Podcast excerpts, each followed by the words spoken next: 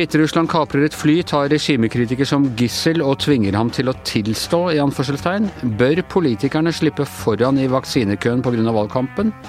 Og netthetsen mot MDGs Lan Marie Berg har fått politikere over hele spekteret til å reagere, men hva kan gjøres? Dette er Gjevrøy-gjengen, det er tirsdag den 25. mai. Eh, ja, Per Olav Ødegaard, en helt spektakulær eh, politisk statsterroraksjon, må vi vel nesten kalle det, som skjedde i helgen, hvor eh, Hviterussland altså tvinger et fly fra Hellas på vei til Litauen til å, å lande i Hviterussland og tar en regimekritiker som gissel? Ja, det er oppsiktsvekkende og veldig, veldig spesielt. Vi har jo sett eh, selvfølgelig hvordan dette regimet har slått ned på kritikk og på demonstrasjoner.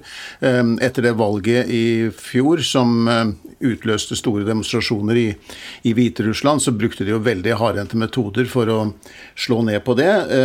Men at de da skulle gå til det skritt å tvinge et fly til å lande for å pågripe en regimekritiker, en journalist og hans kjæreste, det var, noe, det var nytt. Og var, da gikk de ytterligere et, et skritt i, i definitivt feil retning.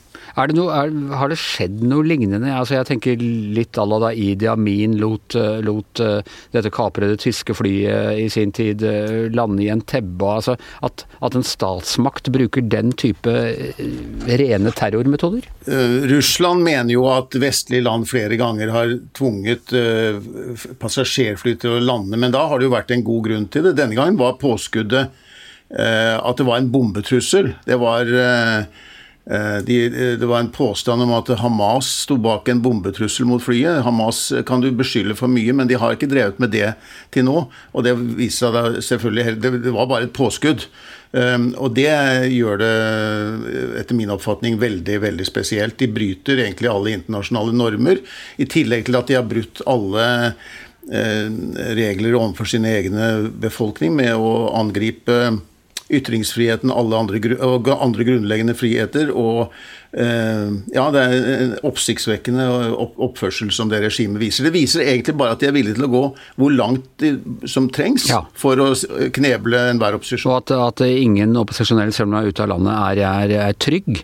Altså denne Roman Pratasevic, som, som, da Han er journalist, eller publisher, må vi, må vi vel nesten si, som har har uh, kritisert uh, regimet. Og han står jo nå fram, og det er jo som å se disse terrorvideoene fra 70-tallet hvor de eh, torturerte sine gisler til å komme med tilståelser med at de jobbet for kapitalismen eller, uh, eller et eller annet sånt.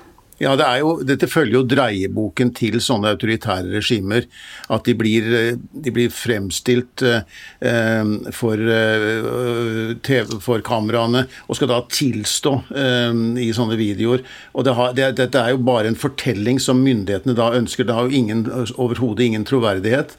Men jeg tror som du var inne på der, at dette er ment som et signal til å skremme enhver opposisjon om at vi kan nå dere hvor dere er, og eh, vi kan eh, sørge for at dere Og det er ganske alvorlig det som skjer, fordi han er jo Nå ser vi hele tiden at de blir dømt til lange fengselsstraffer, folk som har deltatt i demonstrasjoner. Protasjevitsj han er jo da mm, også eh, på en sånn liste som myndighetene der har for terroraktivitet, som de kaller det.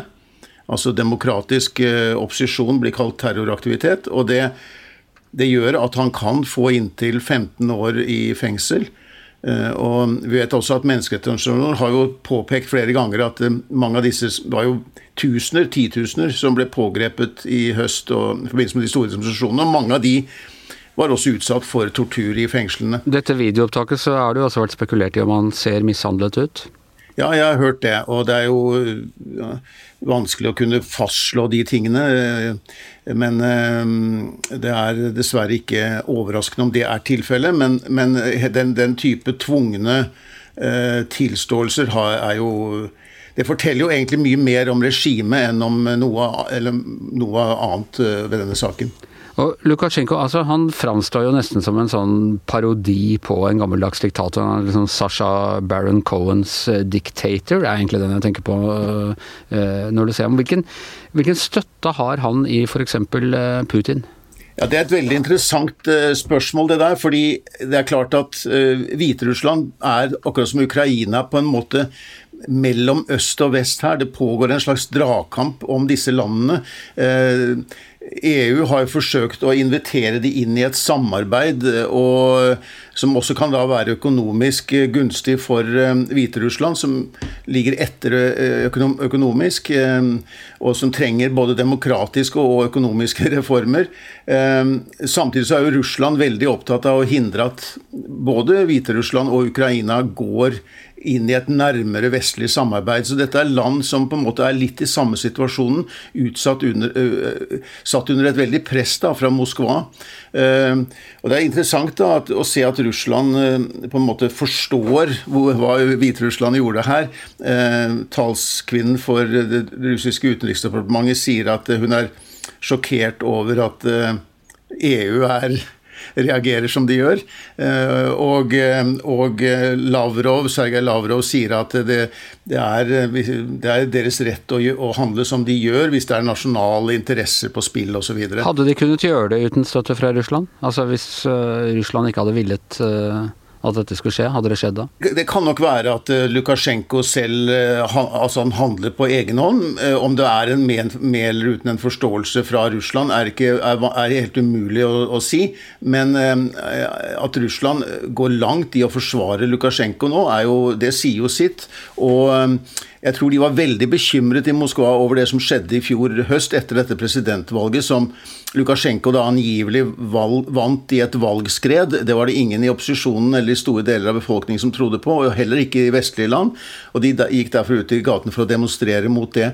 Og den type massive demonstrasjoner i gatene mot et uh, gammelt regime som Lukasjenko, styrt her i 27 år, det er, jo, det er jo den type protester som Putin også er veldig bekymret for i Russland. Og vi ser jo også hvordan Russland uh, slår til eh, mot sin egen opposisjon og uh, angriper og foretar arrestasjoner, oppløser møter og, arresterer også opposisjonelle, som vi jo har sett eksempler, flere eksempler på.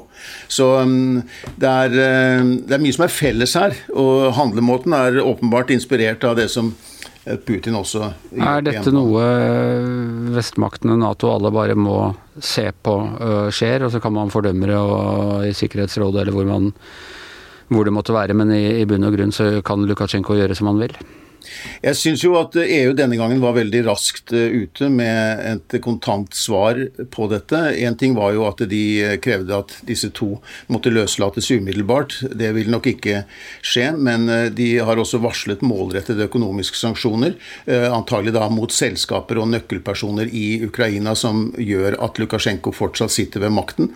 Eh, og så har de nektet eh, det hviterussiske flyselskapet å fly over Europa, eller over europeisk luftterritorium, og selvfølgelig da også heller ikke bruke flyplasser her. Og de har anbefalt eh, europeiske selskaper om ikke å fly over Hviterussland, og det har jo f.eks. SAS da etterkommet det ønsket, og, og, flyr nå ikke lenger over Hviterussland. Så de, de, forsøker å markere og straffe, og så tror jeg i tillegg til dette at det er nødvendig med en internasjonal granskning for egentlig å finne, hvor, finne ut hvordan dette skjedde, og hva konsekvensen av det er. For her gjelder det å holde presset oppe. Øh, og øh, være tydelige og stå samlet om dette. Og Norge har jo også sluttet seg til, øh, vil jo også slutte seg til de andre reaksjonene fra EU her så vidt jeg forstår. Ja, og Dette er altså en sak i løpende utvikling, og du kan følge den på, på VG-nett, eh, selvfølgelig. Eh, I helgen så la eh, Harald Klungtveit fra, fra nyhetsredaksjonen, Fritzone nyhetsredaksjonen Filter ut en sak på Facebook hvor han hadde gjennomgått en spesiell Facebook-gruppe, en av disse, jeg vil si en av de mange, holdt jeg på å si, eller i hvert fall en av flere sånne Facebook-grupper som har tatt mål av seg til å, å, kritisere Miljøpartiet De Grønne. Han gikk gjennom all uh, hetsen som var rettet direkte mot uh, Lan Marie Berg, så, som uh, folkevalgt representant i Oslo.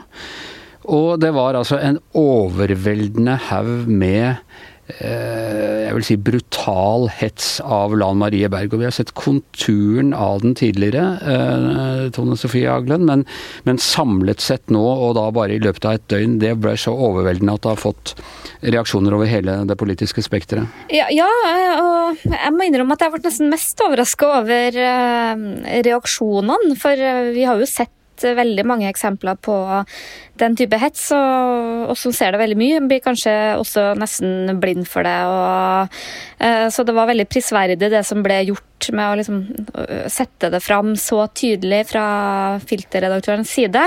Uh, men det som jeg tror nok også gjorde veldig sterkt inntrykk på folk, var at nestleder i Høyre, Tina Bru, som også olje- og energiminister, og på mange måter litt sånn liksom litt den politiske motstanderen til Anne Marie Berg en del av sånne spørsmål, så til det grader tok til motmæle om at uh, nå er det nok. Og, for det, I ganske jo... uparlamentariske vendinger, vil jeg si. Ja, ja, absolutt. Litt sånn, litt sånn kommentarfeltaktige vendinger. Eh, uten, eh, uten, sammenligning for øvrig. Men det, det, virker også som at det virkelig vekter folk. For det, det har i hvert fall vakt voldsomme reaksjoner. Og jeg ser i hvert fall i min Facebook-feed så har liksom alle fra alle mulige hold slått ring rundt Eh, Lan Marie Berg og sier at det der kan vi ikke akseptere.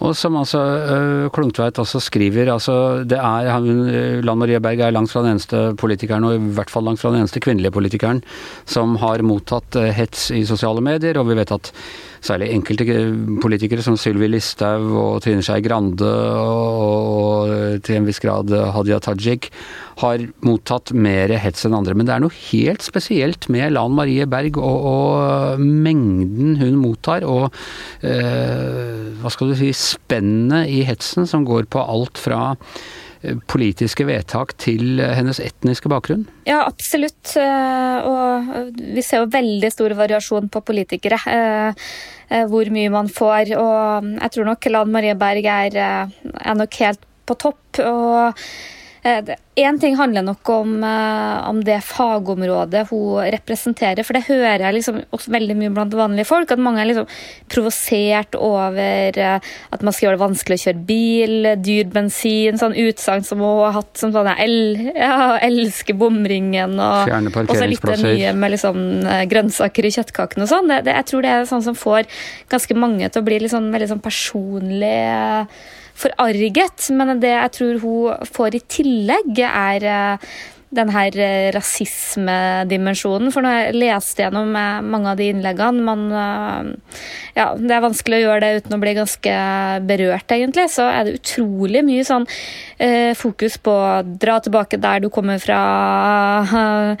Eh, hvordan hun ser ut og, og, sånn overraskende mye, egentlig. For jeg, jeg tenker liksom ikke på at liksom asiatisk eller blir utsatt for så mye hets, men det var eh, det var et trist skue, rett og slett. Ja, nei, Det er jo et, liksom blitt et, et problemfokus på det. Men så er spørsmålet uh, hva kan gjøres? Vi har netthets, det har vi hatt omtrent siden uh, uh, nettet kom. alle vi som opptrer i det offentlige innimellom, har fått fått vår del av, av varierende grad, grad, av kritikk, for, for, for, å si det pent. Eh, det er liksom jeg tenker på at det er noe vi, vi også må, må, leve med. Det går ikke an å regulere nettet på en sånn måte at, at du blir kvitt det helt, men det må kunne finnes mekanismer også som klarer å, å redusere det? Godt spørsmål. Jeg, jeg, tror nok at uh, en utføring at det, det, her er en veldig stor sjekk. Uh, du har liksom alt fra sånn, det, det, verste du ser i en del grupper, er jo det som ser ut som drapstrusler, rett og slett. og også rasistiske ytringer som vi har et lovverk mot. Men vi ser jo også at Eh, det er også veldig mye som både er hatefullt, som er hatsk, som er sånn uh, utrivelig.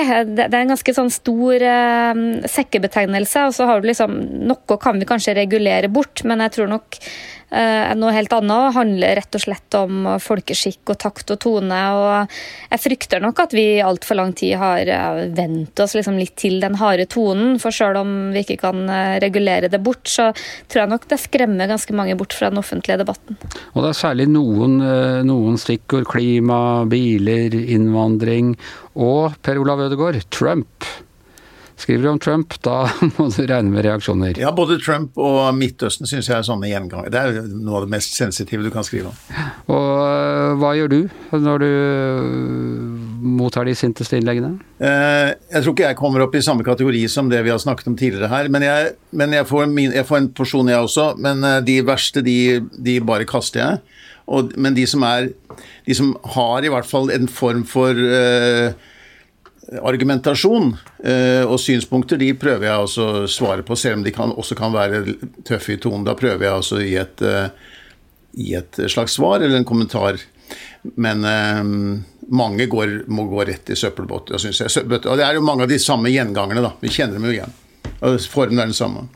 Det er interessant, Sofie, for du skrev en kommentar her før helgen om alt som vi også snakket om her på podkasten, den der debatten rundt helligdager. og de, altså Noen protesterte fordi NRK hadde kjørt for mye på, på, øh, på Eid, og så var det ja, øh, og så var det noe andre som drev og latterliggjorde dette med himmelfart og sånne ting. Og du skrev en litt Jeg vil si øh, den kunne ikke være tatt mer hensyn til begge sider, den, den drøftelsen du hadde der. Og Likevel så åpner det da porten for å få utrolig mye Jeg kjenner ikke helt kvaliteten på det, men mange sinte reaksjoner. Altså, det er som om en del folk bare går inn for å finne et eller annet greie de kan bjeffe på, så står de der og bjeffer til neste gang eh, det kommer en, eh, et eller annet som sier noe om islam eller innvandring eller eh, vindmøller forbi. Ja, jeg ble litt sånn overraska, for jeg, jeg, opplevde på en måte at den kommentaren jeg skrev var en litt sånn håndsrekning til den, den gruppa som syns at uh, kristendommen Ja, nemlig. Jeg tolket også sånn. Uh, og, og, så fikk jeg på en måte merkelapper som at Um, er en um, venstre um, islamelsker, vil bryte ned landet, uh, en hykler osv. osv. Ja, og det er litt sånn uh, for, for, for, det, for det, mest moderate. Og jeg, jeg, tror nok jeg er nok ikke den som får mest uh, av den type. Det har litt med hva vi skriver om, men jeg tror nok at eller jeg så nettopp også i helga at politikken, den danske avisa, har gått etter hva som Eh, får frem mest hat i samfunnsdebatten i Danmark. Og der kommer islam eh, desidert på førsteplass. Men så har du også innvandring, kriminalitet. Eh, kommer også veldig høyt opp. Feminisme, likestilling er også et tema som får generere veldig mye. Og sånn, et annet tema som jeg har sett mye i de siste årene, er en del av disse miljødebattene. Bilbruk, sykkel men ikke minst også vindmøller har vært utrolig harde ord. Og det er ikke noe som bare går mot kvinner heller. Det, det, det er et nivå der som er ganske skremmende. Mitt beste råd er egentlig å si som vår gamle tidligere kollega Erik Mosven, som nå er i Avisa Oslo, som hver gang han ble skjelt ut for å være tabloid, fascist, kommunist, islamelsker, landsforræder, jeg vet ikke hva. Så svarte han bare 'du får det til å høres så negativt ut'. ok, vi får, ikke, vi får, ikke, løst det uten videre, men det er altså, det er altså nå øh, nok en gang man skal se på hvor, hvor går grensene her. Hva er Jeg så, øh, jeg så øh, advokat Jon Christian Elden var inne i kommentarfeltet hos Klungtveit og mente at liksom, han kunne skille sånn De tre kommentarene der, de er type kan det bøtelegges for. De tre der kan kvalifisere til fengselsstraff og sånne ting. Så det er, det er litt å, å, se på. Jeg så uh, også at han Eivind Trædal, uh, også MDG-politiker og gift med Lan Marie Berg, han snakket om at politiet bør vise tilstedeværelse på samme måte som vi sier at politiet bør vise tilstedeværelse på gata for å dempe kriminaliteten. Så bør de også ha tilstedeværelse i uh, type kommentarfelt og, og nettfora. Hva, hva tenker dere om det? Jeg tror liksom ikke å regulere samfunnsdebatten skal være politiets fremste oppgave. Men, eh, men, men det jeg kjenner på som er min dårlige samvittighet, eh, er nettopp det her med tilstedeværelse. For, eh, for meg så har det i hvert fall blitt en sånn for jeg liksom hadde en litt sånn naiv holdning at jeg skal svare alle på en hyggelig måte. Og, for jeg tror jo at mye av det her handler jo om frustrasjon. Man vet ikke helt hvordan man skal ut uh, hvordan man skal formulere seg eller gripe det, er mye sånt. Og ofte når jeg svarer folk, så får jeg jo et relativt hyggelig svar tilbake. Så det er noe med å se folk. Men jeg bare merker at jeg, jeg orker det ikke så litt sånn bestandig. Så det blir liksom mer at jeg skyr unna kommentarfelt og og litt sånn for å skåne meg sjøl, gikk ut av Twitter for mange år siden som gjorde, min, gjorde min, mitt liv litt enklere. Gjør sånne ting. Så jeg tror nok at hvis alle har vært litt sånn flinkere og vært litt mer bevisst til stede um, i nettdebatten og faktisk svart og liksom hvordan kan du skrive noe sånt, så, så tror jeg det hadde gjort da. Men jeg tror dessverre så har vi liksom kommet så langt at mange heller melder seg litt ut. Ja, jeg må innrømme at jeg er ikke noe særlig bedre menneske enn at når jeg har svart tre stykker som har skjelt meg ut, liksom prøvd å svare hyggelig til dem, så den fjerde da, da har jeg på en måte da jeg for forsynt med å vende det andre kinnet til. Altså, jeg er ikke det får, være, det får være Jesus som tar seg av det. Hva tenker du Per Olav om politiet i kommentarfeltene? Noen, noen, må man bare overse, tror jeg. Og, eh, men, men, jeg tror det er riktig å reagere iblant når det er eh, politikere og andre meningsstandere som blir utsatt for systematisk hets over lang tid. Det syns jeg er riktig å reagere på. Så tenker Jeg at eh, jeg tror ikke disse tingene oppstår i et sånt vakuum. Det er ikke sånn enkeltpersoner som sitter og finner ut dette alt på egen hånd, og, og disse ordene de bruker. Det kommer fra et sted, og det kommer gjerne fra nettfora og grupper eh, som fungerer som slags ekkokamre, og noen ganger oppildnet av noen ledere som bruker disse ordene, og så blir det legitimt for andre å gjøre det samme. Og så, og så får de et slags sånn motsetningsforhold da, til kanskje noen politikere eller noen av oss i media, og så sitter sånne karakteristikker som nazister og kommunister og landsforrædere veldig løst. For det er, det er, slike betegnelser de bruker i disse foraene. Og Derfor så tror jeg det er viktig i hvert fall også å prøve å slippe litt lys inn i det, og vise fram um, noen av de gruppene og hva som foregår av kommunikasjon der. Derfor så tror jeg det var riktig i dette tilfellet å ja, synliggjøre hva dette egentlig er. Eh, for det er jo tross alt en liten gruppe som driver på her, eh, som kan karakteriseres som disse nettrollene. Mye av den kritikken vi får, som er helt legitim, er jo mer altså, politisk uenighet. Og, det, og, selv om den av og til er litt hard i tonen, så må vi jo tåle det. Og Før var de anonyme, nå er, nå er jo uh, Facebook og, og, flere steder gjort det umulig å være anonyme. Men folk står fram med dette her i fullt navn, så de skjems ikke. Det skal de, skal de, i hvert fall ha. Helt til slutt, vi må ha en liten runde på. altså uh, Regjeringen har tilbudt vaksiner til stortingspolitikere, folk som skal drive uh, valgkamp. Det har brutt ut borgerkrig, for å bruke tabloide begrep, på Stortinget her. Noen tar det og sier at ja, det er viktig og oppfordrer de andre til å gjøre det, så de kan eh, fullføre sin, sin eh, pålagte borgerplikt om å drive eh, valgkamp i et demokratisk land. Andre, og jeg vil si svært profilerte eh, politikere, casher nå inn på å stå over. Hvem av dem har rett, Tone Sofie? Uh, snart får vi også hets av vaksinerte politikere i kommentarfeltene. Det blir vel en egen gruppe. Men nei, jeg må innrømme at uh, Vi som ikke vil at politikerne skal gå foran i vaksinekøen. Ja. Uh, jeg må innrømme at jeg, jeg lenge liksom skjønte godt at f.eks. statsministeren sånn hadde litt sånn problemer med å ta bl.a. VGs oppfordring om at selvfølgelig bør nøkkelpersoner vaksineres.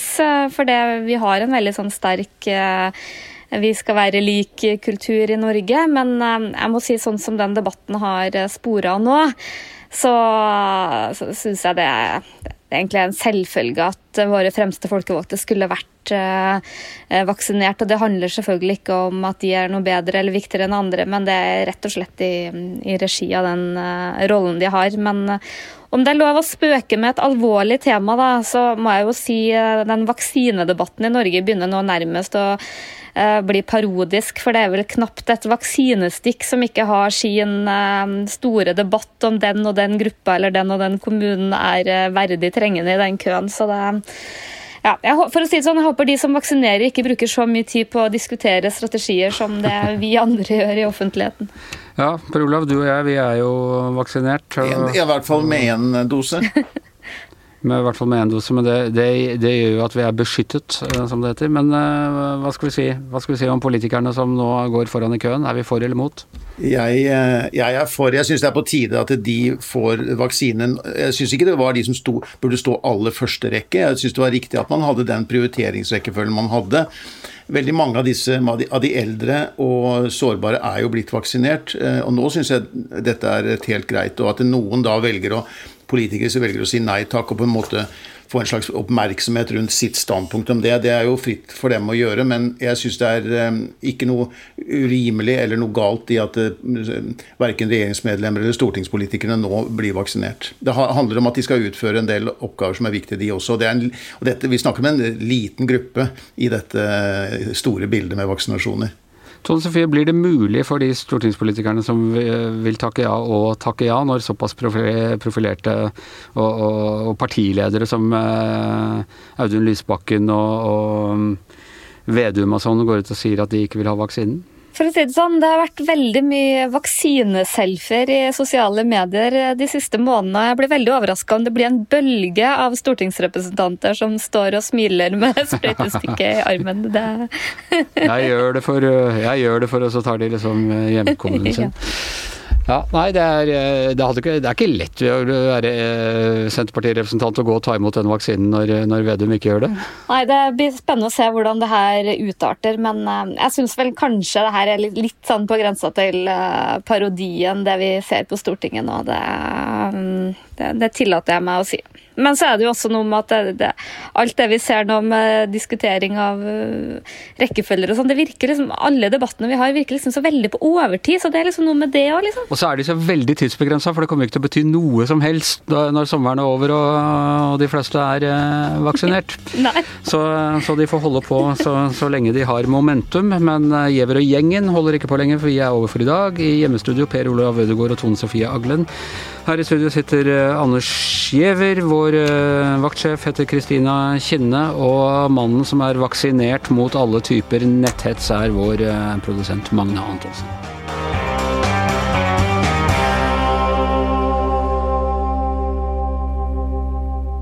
Du har hørt en podkast fra VG.